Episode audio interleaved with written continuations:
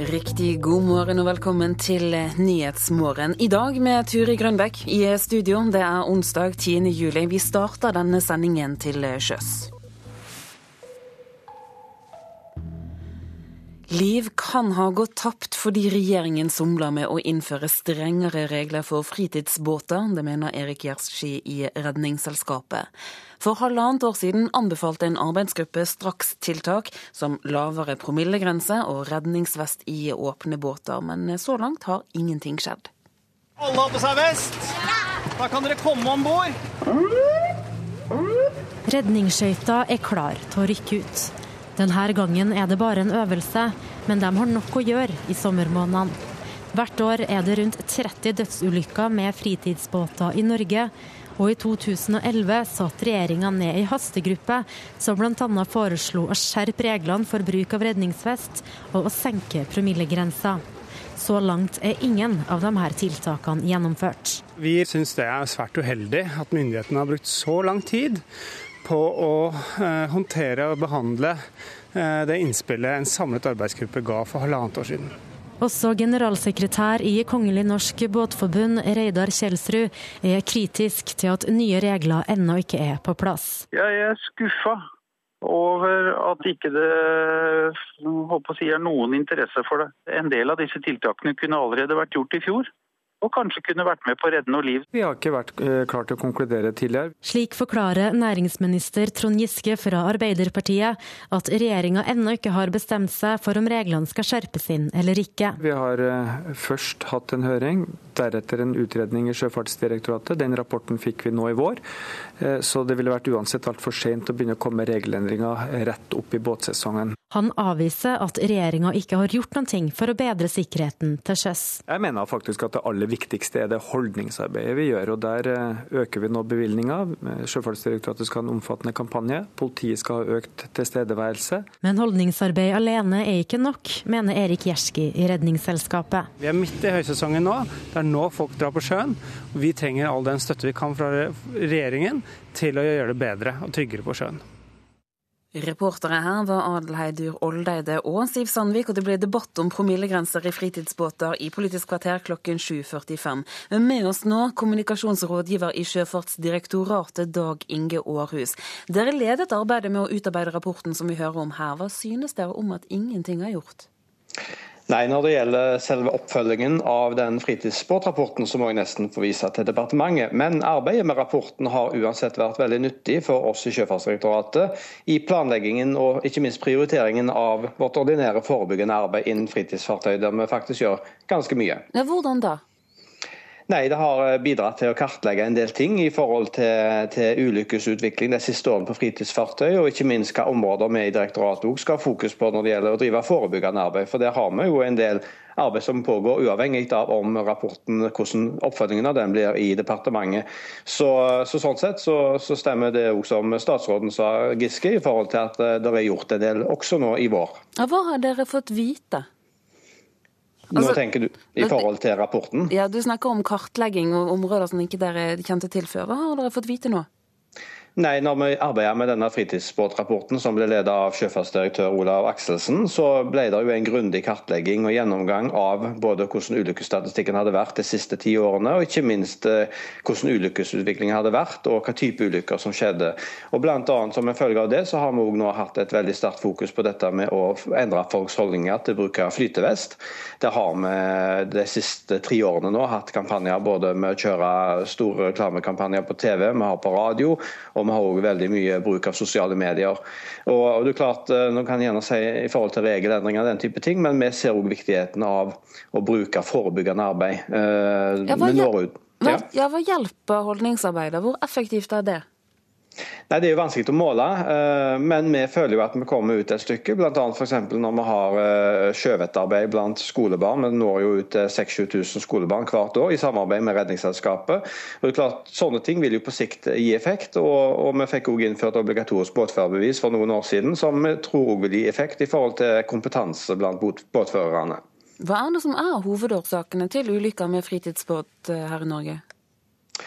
Nei, det er mange årsaksforhold. Eh, vi ser jo på to av områdene, f.eks. når vi har våre kampanjer. Det er jo dette med bruk av flytevest. Det viser jo at halvparten av de som omkom f.eks. i fjor, de brukte ikke flytevest. Og så har en òg dette problemstillingene med, med, promille. Eh, der i hvert fall åtte av de 30 som omkom i 2012, eh, var påvirka av alkohol. Og Det er klart det er områder der vi prøvd å, å få inn et budskap om at òg sjøfolk må, eller fritidsbåtbrukerne da, må se på sine egne holdninger. og Eksempelvis med flytevest, så er det jo Vi ser jo det. Barn og kanskje òg mor i en liten eh, fritidsbåt bruker vest, mens far han eh, dropper den. Og Det ser vi jo på ulykkesstatistikken, hvem som omkommer. Hvorfor er det slik at barn og altså mødre gjerne, men ikke far? Nei, det, det, er litt vanskelig. Det, det, har, det er vel nær på kanskje det som går på holdninger. da, At uh, en er lite bevisst på hvor farlig dette egentlig kan være. Og, og har gjerne større tro på sin egen evne til å kunne takle en kritisk situasjon. Men uh, ser en på statistikken vår, så viser iallfall den at uh, tidligere i hvert fall år så har voksne menn vært overrepresentert når det gjelder ulykkene. Må si takk for at du var med oss her i Nyhetsmorgen, Dag Inge Aarhus, med kommunikasjonsrådgiver i Sjøfartsdirektoratet. For å unngå korrupsjon i land der norske selskaper handler, bør flere bedrifter rapportere inn hvilke innbetalinger myndighetene i landene mottar. Det mener Transparency International. Norge bør være et foregangsland for å bekjempe korrupsjon, sier generalsekretær Guro Slettemark. Nei, altså Dette handler om eh, bedrifters samfunnsansvar, vil jeg si, i en litt sånn utvidet forstand av det begrepet. Et forslag om ny rapportering av pengestrømmer for globale norske bedrifter er på høring fra Finansdepartementet. Men Dersom forslagene om land-for-land-rapportering vedtas, gjelder de bare to av de 50 største selskapene på Oslo Børs. Det påpeker Transparency International Norge og generalsekretær Guro Slettemark. Det vil bli for få selskaper som er omfattet av regelverket, fordi det er begrenset til selskaper som utvinner naturressurser Fiskeoppdrett, vann, vind og bølgekraft, samt telekomselskaper som Telenor, bør også inngå i rapportering av bedriftenes pengestrømmer, mener Transparency International. Jeg forstår eh, godt problemstillingen, men eh, så lenge vi eh, har skattemessige forhold til myndigheter i de landene vi har virksomhet, og er helt åpne på det, så, så, så, er nok vår grad av åpenhet såpass eh, stor at uh, vi kan si oss fornøyd med det. Telenor forstår intensjonen, sier pressetalsmann Dag Melgaard. De setter ikke noen krok på døren for å kunne i framtiden også åpne for en mer detaljert rapportering.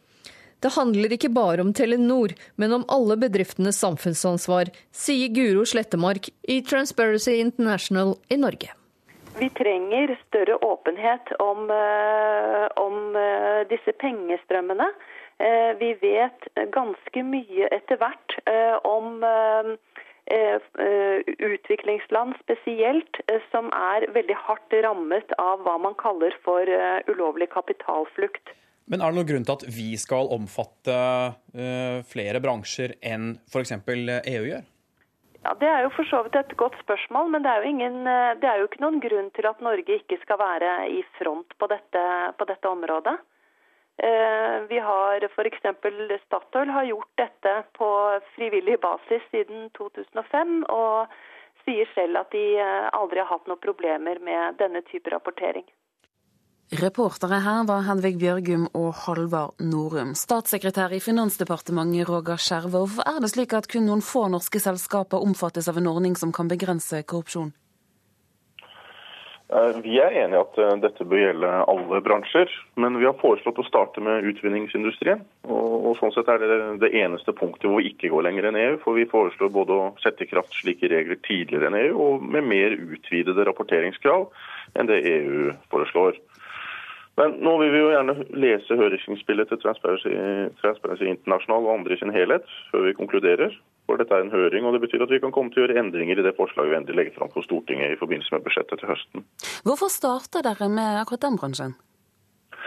Dette er ganske komplisert lovarbeid, og for utvinningsindustrien så kan vi bygge på EU-kommisjonen sitt forslag, og det kan vi ikke på samme måte for andre bransjer. og, og da kan det være en fordel å vinne litt erfaring og litt tid før vi utvider til andre bransjer. Hva skal til for å utvide? Jo, Vi må sette oss mer inn i bransjespesifikke problemstillinger. så Det kan kreve noe, e, noe eget eh, arbeid for å gå inn i andre bransjer også. For uh, Der har vi ikke det arbeidet å bygge på som vi har med utvinningsindustrien. og Det kan tale for å vinne litt erfaring og litt tid. Uh, det er nok flere selskaper enn det Transparency International sier. Altså, husk at det gjelder ikke bare børsnoterte, det vil gjelde alle selskaper. Hva er det som er viktig med en slik land-for-land-ordning? Det er et nytt og viktig virkemiddel for åpenhet.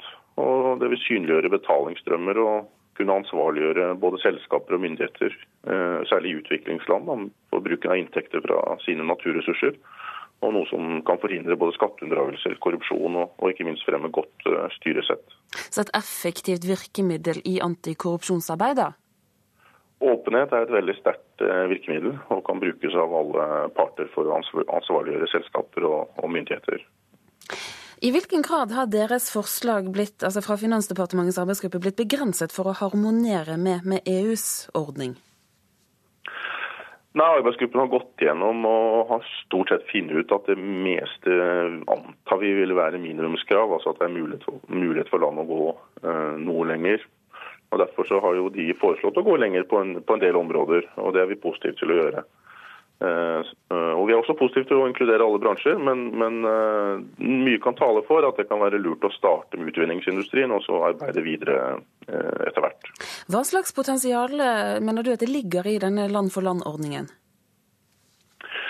Det ligger det potensialet at alle parter, offentligheten, myndigheter, kan få innsikt i betalingsstrømmer, og dermed kunne også ansvarliggjøre både selskaper og myndigheter. Det er en klar oppfordring fra Transparency International her om at eh, Norge bør være fremst i antikorrupsjonsarbeid. Bør Norge det? Ja, og det er vi. Det har vi vært på mange områder til nå. Og det vil vi også være med hvis vi eh, vedtar det forslaget som det ligger nå. For da da setter vi i kraft slike regler før EU gjør det, hvis vi får det til fra 1.1. Og vi vil eh, ha mer utvidede rapporteringskrav, dypere rapporteringskrav enn det EU-kommisjonen har foreslått. Så vi vil absolutt være et foregangsland med det forslaget som er sendt på høring nå. Roger Skjerva, statssekretær i Finansdepartementet, takk skal du ha. Og du lytter til Nyhetsmorgen i NRK P2 og Alltid nyheter. Klokken er 7.15, og dette er hovedsakene i dag. Regjeringen ville ha strakstiltak for å redde liv på sjøen. Halvannet år senere så er det ingenting som har skjedd. Som vi hørte nettopp, Norge bør gjøre mer for å begrense korrupsjon i utlandet, mener eh, organisasjonen. Og bli med oss videre, for vi skal straks høre om språkslakt av norske partiprogram. Ifølge en fersk analyse så er de fulle av tørrprat og selvfølgelighet nyheter.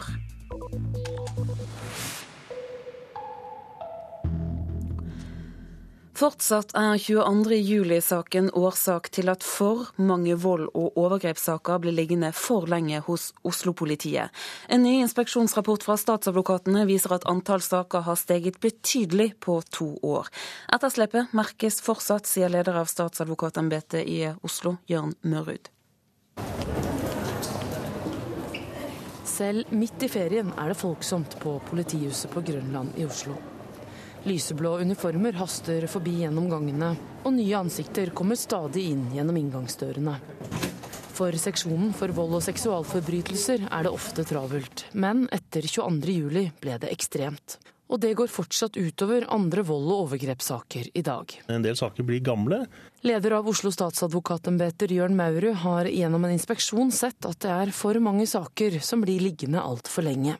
I verste fall kan det føre til unødvendige henleggelser og lavere straffer pga. dårligere bevis. Det farlige er at eh, bevisene svekkes med tiden.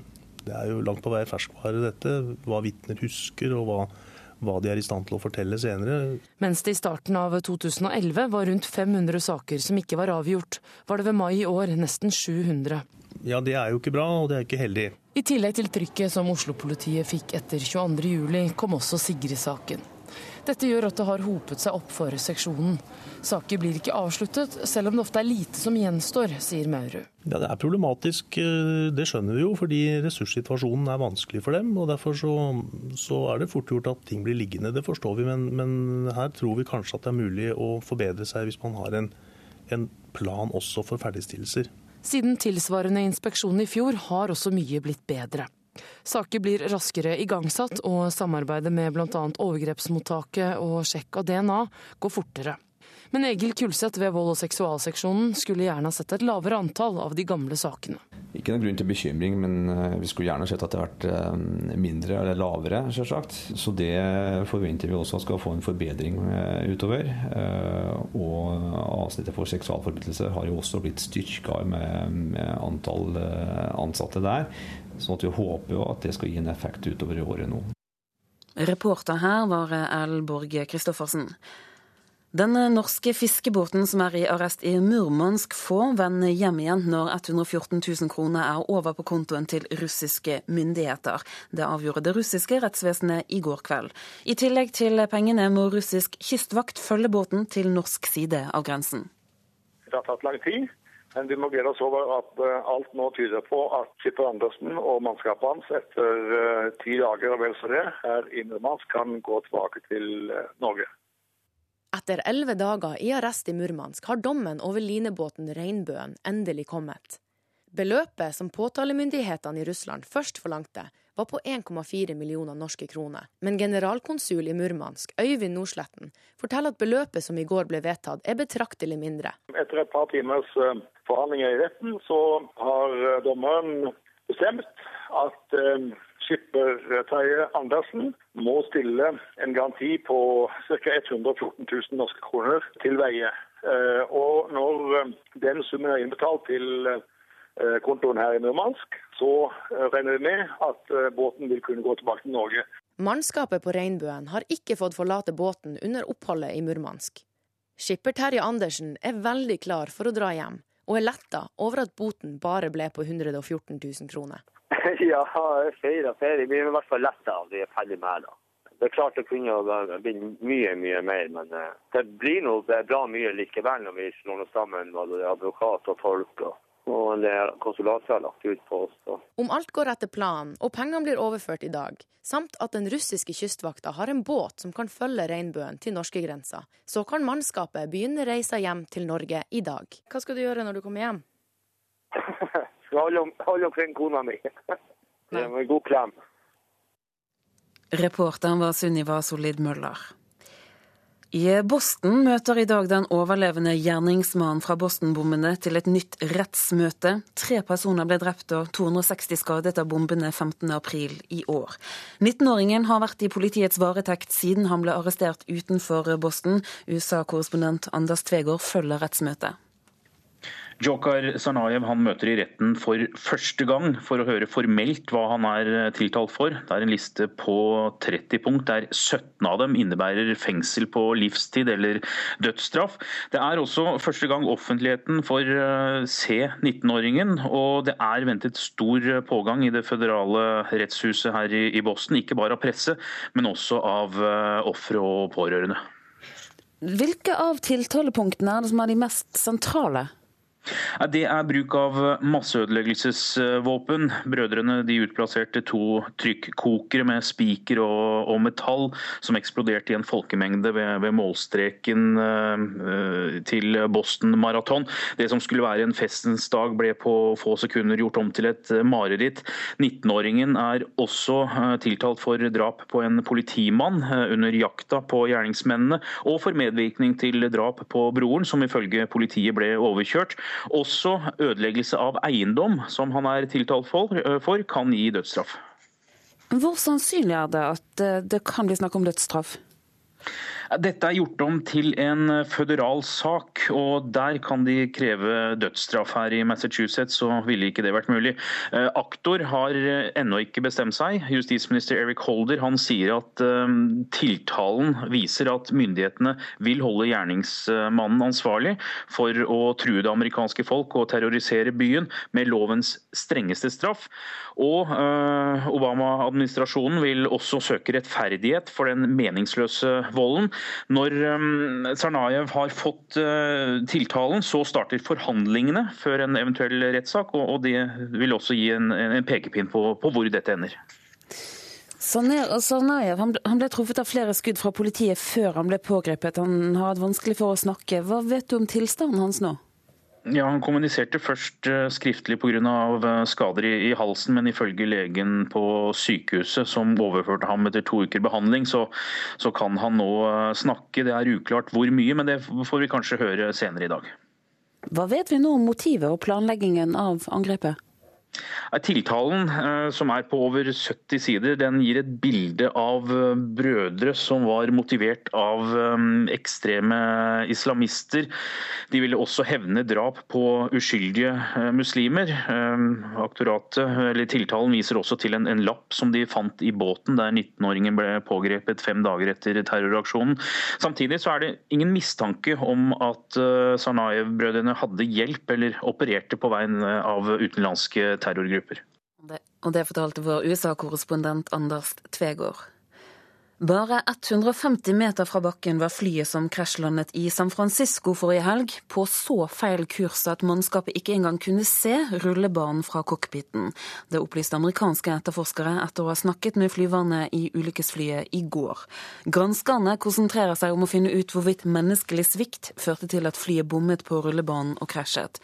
To kinesiske skoleelever mistet livet, nærmere 200 ble såret i ulykken, som er den første i sitt slag med fly av typen Boeing 777. Alexander Kristoff trenger hjelp for å kunne hamle opp med de beste sprinterne i Tour de France. Nordmannen drømmer om etappeseier i årets Tour, men han innrømmer at det blir vanskelig. Her nede så sitter jeg alene uansett. Laget er bygd rundt Rodriguez, så det blir ikke noen forandring på det så lenge jeg kjører dette, dette løpet. Alexander Kristoff endte på sjetteplass på gårsdagens etappe i Tour de France. Sprinteren er helt alene i spurten, siden Katusha satser på sammenlagthåpet Rodriguez. Kristoff håper at han får med seg hjelpere i neste års utgave av rittet. Jeg kan spurte, men jeg er ikke Cavendish eller Greipel eller Kittel akkurat. Jeg ligger sjiktet under, så jeg håper kanskje neste år at jeg har med i hvert fall én-to mann som kan hjelpe meg på slutten. Da, da, blir det fort mye lettere. Flere flate etapper venter i dagene som kommer, og nordmannen krysser fingrene for etappeseier i Frankrike. Jeg håper det kommer, men jeg kan ikke garantere noe. Det, det er ikke lett, det ser dere jo selv. Så jeg prøver hver dag og er jo i toppen, men eh, da må jeg ha Jeg må ha litt flaks med, og de andre må ha litt uflaks. Så kan det gå. Reporter i denne saken, det var Emil Gukild. Tiden er inne for å se nærmere på dagens aviser og hva de har på sine forsider. Pensjonister er de rød-grønnes skattevinnere, det står det i Aftenposten. De siste åtte årene er det de med lønninger under 450 000 som har tjent mest på regjeringens skattepolitikk. Norske kommuner sliter med å forstå anbudsregler og betaler millioner i gebyr. Det skriver Klassekampen. Saken mot en av mennene som har vært anklaget for drapet på Sigrid Giskegjerde Skjetne, ble henlagt i går. I dag forteller han om anklagene i VG. En av tre nordmenn er villig til å betale mer for økomat, det skriver Nasjonen, mens Dagsavisen forteller om en mann som fikk politiet på døren og hjemmet ransaket fordi han hadde betalt kontant ved kjøp av PC og fjernsyn. Norske bedrifter har begynt å rekruttere nye medarbeidere via sosiale medier. Det forteller Dagens Næringsliv. Nyt superværet, skriver Dagbladet. Enkelt og greit. Mens Nordlys skriver om eh, fire personer som var pågrepet i en væpnet politiaksjon etter grovt ran i går. Og Flere laksefiskere er jaget ut i elven av en sint okse. Dette har skjedd i Vennesla. Saken den kan du lese i Fedrelandsvennen.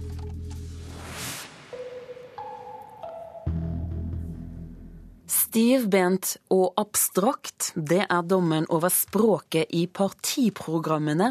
En ny undersøkelse som er utført på oppdrag fra Språkrådet, viser at programmene er kronglete formulert, og at de krever for mye av leseren. Risikokapitalfond, hva er det for noe? Hva må du fortelle meg? Har ikke anelse. Nei, det er ikke alle ord som er like enkle å forstå. I alle fall ikke i partiprogrammer som er lagt fram før valget til høsten. Ifølge en ny rapport utført på oppdrag fra Språkrådet, er språket i de ulike partiprogrammene både stivbeint og abstrakt, og blir karakterisert som tungt lesestoff. Hei, hei. Velkommen til Språkrådet. Leder i Språkrådet, Arnfinn Vonen, sitter på kontoret sitt og blar i rapporten. Vonen har merka seg flere tekstutdrag i partiprogrammene som kan være vanskelige å forstå. Som dømes Arbeiderpartiet om fiskeripolitikk. Det må ikke innføres ordninger som gir en enkelt utøver en fast varig andel av den nasjonale fangstkvoten. Framstegspartiet om strømforsyning. Det er viktig at nettselskapene stimuleres til å bygge ut nett som muliggjør lønnsom kraftutbygging. Og Senterpartiet om miljøpolitikk. Senterpartiet står i en tradisjon som mener at ressursene nyttes best gjennom bærekraftig bruk. Vi kan ikke frede oss til en bærekraftig utvikling. Wundermann språket i partiprogrammer krever mye av leseren. Mange av saksområdene beskrives på en såpass, eh, såpass komplisert måte som det her.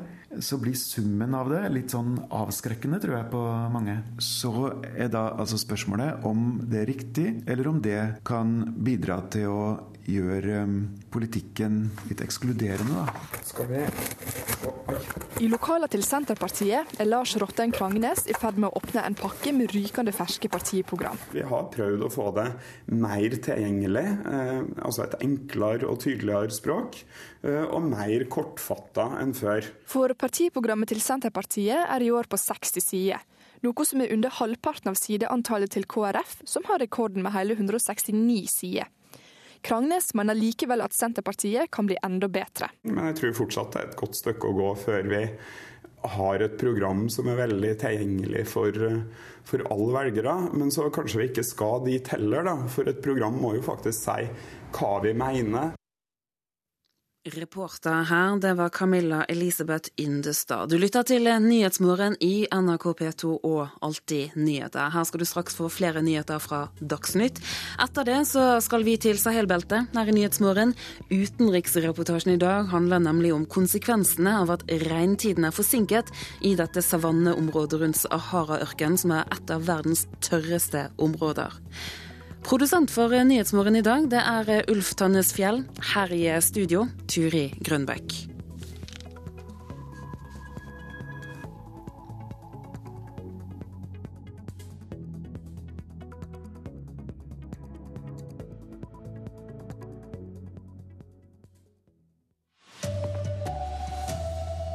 Regjeringa vil ha strakstiltak for å redde liv på sjøen. Halvannet år seinere har ingenting skjedd. Politiet har sikta en mann i Bergen for menneskehandel. Og fotballkvinnene er mer offensive enn noen gang. I morgen starter EM i Sverige. God morgen, her er NRK Dagsnytt klokka 7.30. Liv kan ha gått tapt fordi regjeringa somler med å innføre strengere regler for fritidsbåter. Det mener Erik Gjerski i Redningsselskapet. For halvannet år siden så kom ei arbeidsgruppe med råd om strakstiltak som lågere promillegrense og redningsvest i åpne båter. Men så langt har ingenting skjedd. Alle har på seg vest? Da kan dere komme om bord.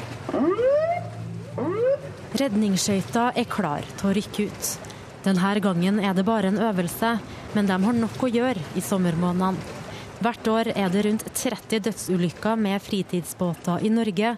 Og i 2011 satt regjeringa ned i hastegruppe som bl.a. foreslo å skjerpe reglene for bruk av redningsvest og å senke promillegrensa. Så langt er ingen av de her tiltakene gjennomført. Vi syns det er svært uheldig at myndighetene har brukt så lang tid på å eh, håndtere og behandle eh, det innspillet en samlet arbeidsgruppe ga for halvannet år siden.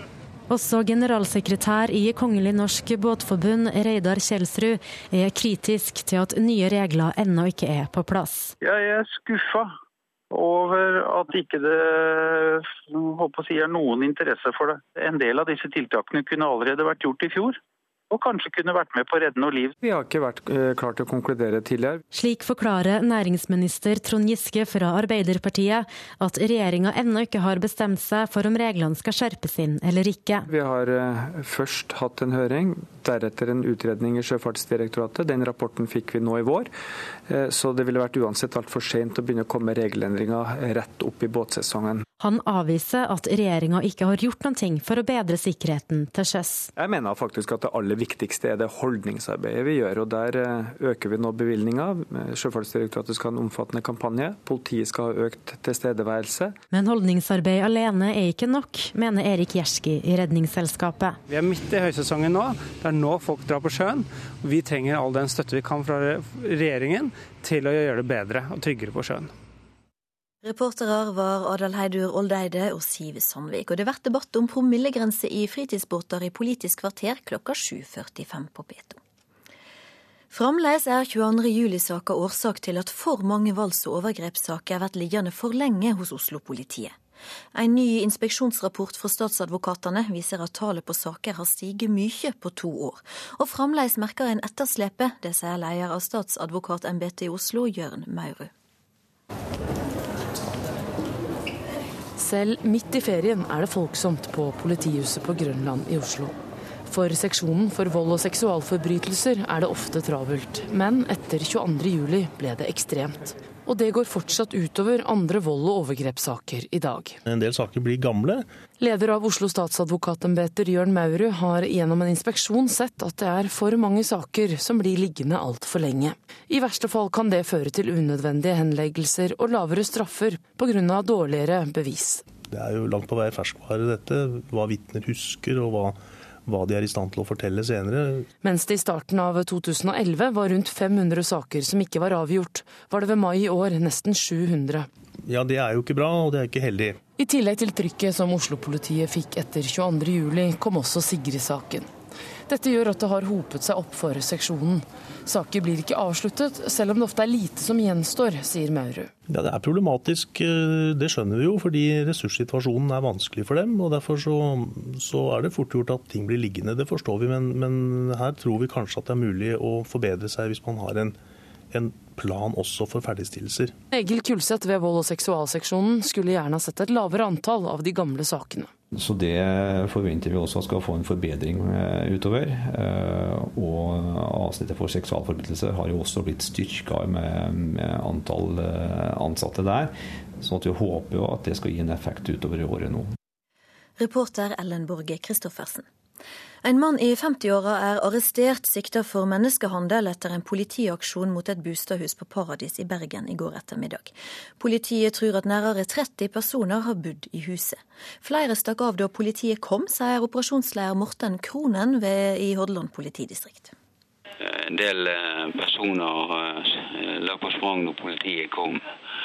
Og eh, det var funnet bl.a. tre rom, bitte små rom på loftet som var brukt som soverom. Der var det verken vindu eller utlufting eller noe som helst. Ifølge politiet er det mye som tyder på at de som bodde i huset var rumenere. Det var også flere barn blant de som var i huset i går. Den sikta mannen står som leietaker. Han skal avhøres i løpet av dagen. Nei, Nå vil vi undersøke hvorvidt disse, hva avtaler som er blitt gjort internt. Vi har også hatt en branninspeksjon på stedet. Og eh, vi har eh, et samarbeid med, med barnevernet. Og så vil saken da bli etterforsket videre.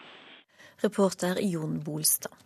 Fire speidere fra landsleiren i Stavanger er savna. De fire skulle overnatta ute, men i natt så ringte de både 112 og lederne sine og sa at de hadde gått seg vekk og var kalde. Andre speidere har lett etter dem i flere timer uten resultat. Ifølge Hovedredningssentralen på Sola går nå også Røde Kors inn i søket, og et helikopter blir satt inn i letinga, sier operasjonsleder ved Rogaland politidistrikt, Geir Gjesdal. Vi har jo et, eh, et utgangspunkt i hvor de sjøl meldte at de var når de fikk problemer. så vi har jo et uh, stort håp om å finne det innen, innen rimelig, rimelig, kort tid. Spesielt når Sea Kingen uh, hjelper oss fra lufta. I Kina faller eksporten med 3,1% i juni sammenlignet med samme måneden i fjor. Importen ble redusert med 0,7% Ifølge finanseksperter er nedgangen mye større enn venta, og han kommer trolig til å holde fram og ut året. Den kinesiske økonomien er verdens nest største, og problem her vil påvirke den globale økonomien. Den norske fiskebåten som er i arrest i Murmansk, får reise hjem igjen når 114 000 kroner er satt over på kontoen til russiske styresmakter. Det avgjorde en russisk domstol i går kveld. I tillegg til pengene så må russisk kystvakt følge båten til den norske sida av grensa. Det har tatt lang tid, men vi må glede oss over at eh, alt nå tyder på at skipper Andersen og mannskapet hans etter eh, ti dager og vel så det her i Murmansk kan gå tilbake til eh, Norge. Etter elleve dager i arrest i Murmansk har dommen over linebåten Regnbøen endelig kommet.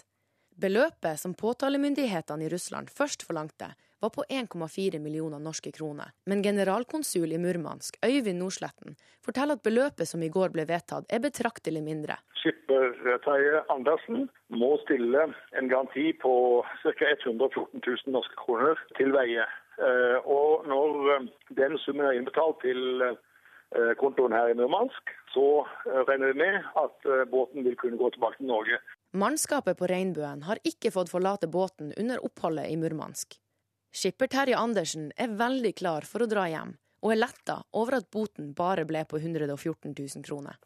Ja, feira ferie. Vi er i hvert fall letta av det vi er ferdig med da. Om alt går etter planen og pengene blir overført i dag, samt at den russiske kystvakta har en båt som kan følge regnbuen til norskegrensa, så kan mannskapet begynne reisa hjem til Norge i dag. Hva skal du gjøre når du kommer hjem? Skal holde, holde omkring kona mi. Med god klem. Da det var eh, Sunniva Solli Møller som hadde laga denne saka. Nå sport. De norske fotballjentene og kaptein Ingvild Stensland er optimistiske før EM-premieren mot Island i morgen. Kapteinen mener Norge er bedre offensivt enn noen gang tidligere. Nei, Jeg gleder meg veldig. Det, for meg skulle vi gjerne begynt i dag. Så eh, Det var deilig å komme ned hit og kjenne at det, det nærmer seg. Så vi gleder oss masse. Norges kaptein Ingvild Stensland gleder seg til EMs første kamp mot Island i eh, morgen. Kapteinen undervurderer ikke islendingene før det hele braker eh, løs. Nei, det blir tøft oppgjør. Altså, vi har hatt mange tøffe kamper mot Island i siste. Vi møtte i kvalik her for en tid tilbake. Så vi vet at det blir det blir en tøff kamp, og jeg tror de har veldig lyst til å slå Norge. Men uh, vi har veldig lyst til å slå de òg. 31-åringen har spilt samtlige mesterskap for Norge siden 2005, og tror de offensive kvalitetene kan hjelpe laget i år. Jeg har vel sagt at eh, jeg syns kanskje det er det beste offensive laget vi har hatt. Uh, vi har veldig mye repertoar framme. Uh, mange gode individualister. Så det, forhåpentligvis så kan vi spille litt, litt god offensiv fotball òg. Det sa kaptein for de norske fotballkvinnene Ingvild Stensland. Reporter var Emil Gukild, og kampen mot Island den hører du på NRK P1 fra klokka 18 i morgen. Det er Rolf Johansen som har ansvaret for Dagsnytt-sendingene denne morgenen. Teknisk ansvarlig Guri Hertzberg Finnsveen, og i studio Ragnhild Bjørge.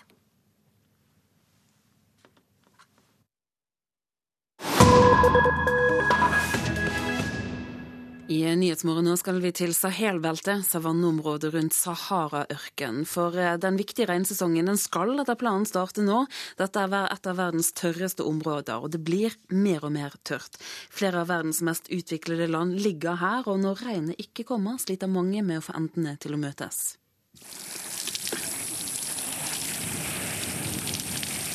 Han vatna plantene sine. Sibiri Kevre bor i Burkina Faso, og nå venter han på regnet. Da han var liten, visste han og familien alltid når regnet kom.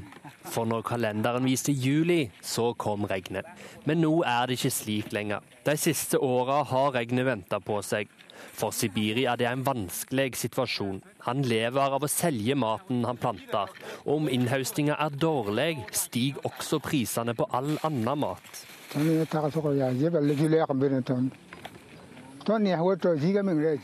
Været endrer seg, og vi er veldig uroa. Hver dag må vi tenke på hvordan vi skal overleve, og hva vi kan gjøre. Det påvirker livet våre. Det påvirker miljøet. Trær forsvinner, det finnes ingen skog her lenger, og jorda dør ut. Så det er virkelig et stort problem, sier Sibiri. Og som ikke vassmangel er nok, så kan det også ende opp med å bli ekstra problematisk når vannet endelig kommer fra oven. Det forteller John Webber, som er skogforsker og jobber i Burkina Faso. Stadig større klimaendringer betyr at en i løpet av én ettermiddag kan få mellom 20 til 25% av all regnet som skjer ned på et helt år. Så mye regn på ei og samme tid vasker bort alt som har blitt planta. Og dermed må en plante om igjen, men da er det for seint, siden grosesongen her i området er så kort, forteller Weber. Sibiri Kebre og de andre beboerne i Sahel-beltet rett sør for Sahara lever i stor grad fra hånd til munn. Så lenge alt er som normalt, klarer de som oftest å leve godt og ha til mat i gryta. Men de siste åra har de måttet vente lenge på at regntida skal sette inn. Ei regntid som også flere ganger har vært altfor kort. For Sahels innbyggere er slike situasjoner kritiske. For ti år siden var det kraftig tørke og svolt. Jeg måtte selge alt jeg hadde for å få råd til mat, inkludert eselkjerra mi. Siden den gang har jeg lært teknikker for å effektivisere jordbruket jeg driver på med, sier Sibiri.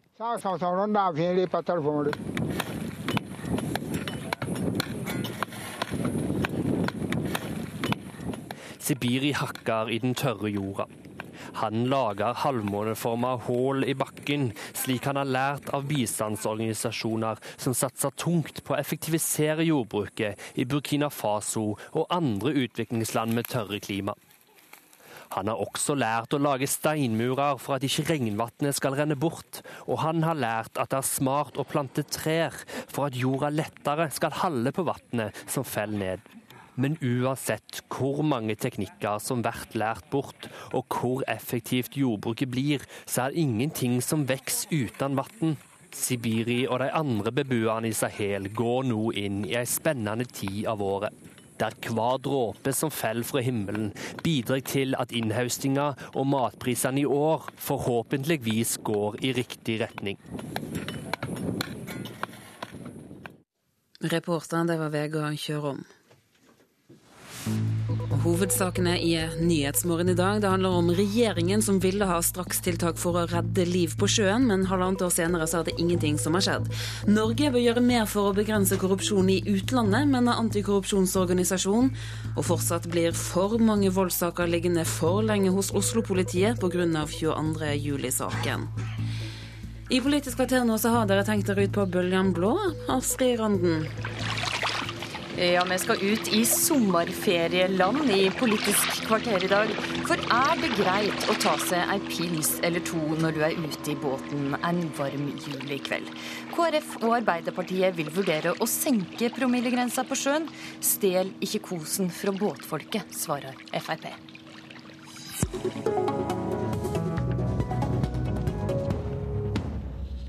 I dag er promillegrensa for båtførere på 0,8.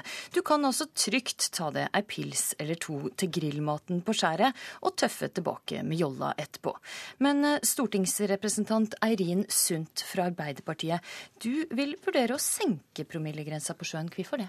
Når vi nå ser at òg denne sommeren så er det eh, veldig mange som blir tatt eh, med over 0,8 promille, så er det jo en sånn og det syns jeg er veldig alvorlig eh, at det skjer. For når vi har en lov og regelverk, så er det fordi at vi skal skape trygghet for oss sjøl, hver enkelt, men ikke minst også skape trygghet for alle andre rundt oss og ta vare på hverandre. Og det er klart at hvis de grensene vi har satt, eh, ikke virker, så spør jeg meg litt sånn Er det fordi at grensa er høyere på sjøen? Er det med å senke terskelen for at folk da lettere drikker mer på sjøen? Men jeg har ikke sagt at jeg skal gjøre det, men jeg mener vi er nødt til å vurdere det seriøst. Og med bakgrunn i den rapporten som blir nevnt her, eh, som òg kommer med en del klare råd på hva en bør gjøre og ikke gjøre. Ja, den Rapporten eh, handla om ei utredning som regjeringa fikk på sitt bord for over ett år siden, i april i fjor. Der kom det med en klar anbefaling at promillegrensa eh, skulle ned. Hvorfor har de ikke gjort noe? Nei, altså, den, Nå er det en stund siden den rapporten kom. Men det er litt det òg sånn at hvis du skal endre lov, eh, lovene det er nødt til å gjøre i så fall i denne sammenhengen, både når det gjelder promillegrensa og når det gjelder bruk av redningsvest, så er det òg noe som tar tid. Det regjeringen gjorde, for et av de viktigste tiltakene som òg rapporten foreslo, det var at det er viktig med holdningsskapende arbeid. Og som en direkte konsekvens av det, så bevilger regjeringen bortimot en million mer til denne sommeren til nettopp det arbeidet. Det høres fint ut, men hvorfor har ikke det gjort noe med et av de viktigste tiltakene som dette hurtigarbeidende utvalget satt ned, eh, kom med? Fordi at Det har òg vært en annen rapport som er laget av Sjøfartsdirektoratet, som kom nå i vår. og De vurderingene som regjeringen skal gjøre, skal en gjøre på bakgrunn av de rapportene som ligger. Men det er klart at når det er så klare råd fra de rapportene, eh, og det er så sammensatt utvalg av fagfolk, så tenker jeg at vi har iallfall et veldig godt grunnlag for å kunne ta en beslutning når vi er ferdige å vurdere. Men det har altså, for det fortsetter altså å vurdere, og har ikke tatt noen beslutning ennå? Nei, men har vent, vi har venta på en rapport til, som kom nå i vår. og når du skal eventuelt endre loven, så gjør en ikke det sånn fort og gale. Det gjør en skikkelig velfundert, og så gjør en i så fall et skikkelig eh, politisk valg til slutt, når en har bestemt seg. Kjell Arild Svendsen, stortingsrepresentant fra KrF. Det har lenge meint at promillegrensa på sjøen må være den samme som for vegen, altså på 0,2. Hva syns du om at regjeringa venta med å ta stilling til dette spørsmålet? Når et hurtigarbeidende utvalg klarte å legge fram denne i april i fjor, og regjeringen ikke har klart å komme med en sak til Stortinget ennå, så er jo det klart at det, det, her har det ikke vært noe veldig aksjon for å få dette til. At det skal på, som en lovendring må, på høring og ny rapport.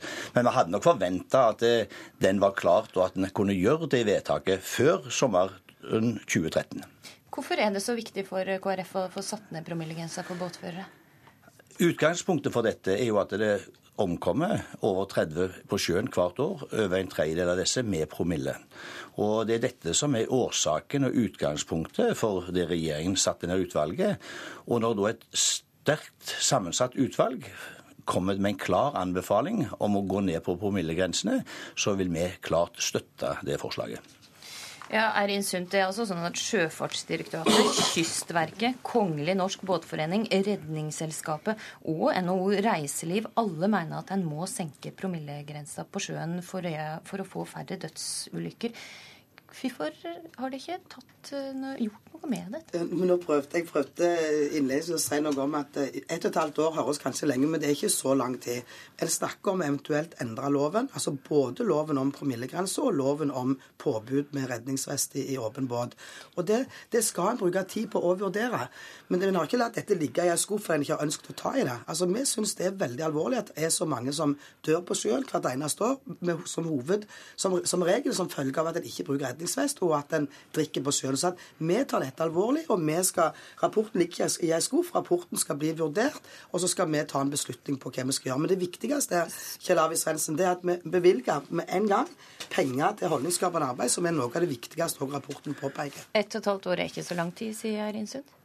Jo, altså det er klart det er lang tid. Hvis du, de klarte utvalget kom med det i april, og hvis det skal på høring og gjøre dette, så vil en kunne ha klart det på kort tid. Det er helt klart at det, det handlingskraft er det ikke det. Det, det. det, går ikke an å snakke seg forbi. Og så er det dette med det viktige med holdningsskapende arbeid. Det, det har han jo hatt, og det har han gjort. Og så starta Eirin Sund med å si at det, det viser seg det hadde jo overhodet ikke virka. Det var jo verre enn en hadde trodd. Så faktisk, eh, det har en jo ikke lykkes med. Det er jo flere som fører båt med over 0,8 promille. Så den har ikke direkte vært vellykka, iallfall. Bård Hoksrud, samferdselspolitisk talsperson for Frp. Du mener at det må være lov å ta et eh, par øl når en er på sjøen. Hvorfor mener du det er en viktig rettighet? Nei, Det er jo fordi at mange er på sjøen og koser seg. Og det er altså sånn at man blir ikke full fordi man har 0,8 i, i, blodet. Men jeg er enig i at vi må gjøre mye mer på holdningsskapende arbeid. Og det er jo litt latterlig når liksom det regjeringa kommer med, er 1 million kroner ekstra for å liksom drive holdningsskapende arbeid. Det er jo latterlig lavt. Hvis man virkelig mener noe med dette, så må man legge inn mye mer ressurser. Og jeg har respekt for at KrF er negative eh, og vil, eh, vil altså redusere. For det, det vil KrF alltid når det gjelder dette med alkohol og, og, den type ting. Men jeg må jo være helt enig med Kristelig Folkeparti at når regjeringa har brukt halvannet år ikke klarer å bestemme seg, så oppfatter jeg dette bare som et rent soloutspill fra Arbeiderpartiet, hvor de på den ene sida sier at dette er de opptatt av, vi vurderer å redusere eh, grensene, mens på den andre sida så har vi egentlig en næringsminister som ikke vil det. Han er helt enig med Fremskrittspartiet, egentlig. Eh, det er realiteten av dette her. og og som sagt Dette må du få svare på. Ja, jeg, jeg tenker at Det alvorlige her er jo ikke at det har vært en rapport som ligger til vurdering i to departementer etter et halvt år. Det alvorlige her det er at folk dør på sjøen for at de ikke bruker redningsvest, og fordi at de drikker for mye. Og det alvorlige eh, her er at, at en kan må vurdere om det at grensa er 0,8% gjør det at terskelen til folk eh, senkes i forhold til om en drikker mer. Så det, jeg, det, er litt sånn, det er lett å skyte på regjeringen, Bård, men når det er litt sånn, bare vi pøser ut millioner milliarder på holdningsskapende arbeid, så skal en ikke forholde seg til at det er muligens at promillegrensene har noe å si. Men, men, skjønt, er det sånn at næringsministeren ikke vil? Du ønsker å redusere promillegrensen? Sånn det er derfor krangler de ikke internt Nei. i regjeringa Det er ingen som krangler internt i regjeringen. Dette er en sak som regjeringen tar veldig alvorlig. Derfor Hvorfor tar de ikke stilling da? For det tar, det tar tid å eventuelt endre loven. Så det, det som helt og halvt år hører, det høres mye ut. Ja, Det tar tid å endre loven, men det tar ikke tid å bestemme seg for om det, en faktisk ønsker å gjøre den, når den rapporten kom på bordet, så var en òg nødt til å ha noen tilleggsrapporter. Den kom nå i vår fra Sjøfartsdirektoratet. Det er det som skal være grunnlaget for når vi bestemmer oss for om promillegrensa skal ned, om det skal være påbud om redningsvest. Og jeg tenker at Det viktigste da er at vi skal som politikere gjøre en vurdering med bakgrunn i hva som er til det beste for at vi får en trygt for hver enkelt av oss, og at vi tar, tar vare på men, men, men, hverandre jeg, jeg, synes jo det denne debatten faktisk burde handle om. Altså det er som, som noen sier, det er en tredjedel som har alkohol i blodet, som dør. Spørsmålet er det fordi de kjører i 0,8, eller er det fordi det er andre faktorer som gjør at de kjører langt fortere enn 0, med, med mer enn, langt mer enn 0,8 i blodet? Ikke Men? Bård Det- det er jo Hoksrud, det- du sier at han er ikke full når han er 0,8 i blodet. Men, men ifølge Folkehelseinstituttet så blir han både kritikkløs og risikovillig når han har en promille mellom 0,5 og 1. Vil du egentlig ha kritikkløse og risikovillige, båtførere? Nei, det vil vi ikke i det hele tatt. Men poenget mitt er at det handler faktisk om at vi må sørge for at folk får de rette holdningene. Og jeg er ikke sånn at, jeg syns jo ikke at det er greit å folk bare la, bare la folk kjøre, men jeg syns det er greit at man har den grensa vi har nå. Og så mener jeg at vi heller bør legge mye mer trøkk inn på gode holdningsskapende kampanjer. For å få, Og så er det altså litt sånn Det er menn over 40 år som eh, er overrepresentert. Og så er det sånn at når en bitte liten gruppe gjør noe, så må vi sette inn tiltak mot de, og ikke straffe alle sammen fordi at liksom alle skal eh, gjøre feil. For det er det Arbeiderpartiet og Kristelig Folkeparti legger opp til her. Og jeg syns at man bør ha med seg altså at det er under en tredjedel. Og så vet vi at det er mye usikkerhet rundt tallene i forhold til hvor høy promille og sånn, fordi man ikke, eh, ofte ikke obduserer eh, de det, som blir Men det, som, dør. det, det er jo litt rart, dette. Altså, jeg tenker litt sånn, det, det er altså flere og flere båter på sjøen, og de er større og større. Og helt privat og aldeles personlig så mener jeg at kjører Men er du bil Men over 15 meter, så får man ikke- da er det lavere grense, ja, men du Eirin Sundt. Ja, ja, men du skal ha ganske sånn båter under 15 meter som har ganske mye motor i seg. Mitt poeng er det at jeg mener at ferdes du på veien og ferdes du på sjøen, så, så er ikke alkohol noe som en på en måte skal iføre seg i det hele tatt. Så at det, hvis en har en debatt om en skal drikke eller ikke drikke når en fører bil eller fører båt, så er jo det en kjempedebatt i seg selv som er veldig alvorlig hvis en prøver, Fremskrittspartiet prøver å bagatellisere at alkohol og det å kjøre båt og bil på en måte ikke er farlig. Så det, jeg tenker vi må ha synlig politi, vi må ha holdningsskapende arbeid, og så må vi vurdere om vi må senke terskelen for promille. Det, det er altså ennå ikke noe avklaring om hva som vil skje med promillegrensa på sjøen. Politisk kvarter oppfordra uansett alle til sunt og trygt båtvett i sommer, og takka Kjell Arild Svendsen, Bård Hoksrud og Eirin Sundt for at det tok debatten i Politisk kvarter.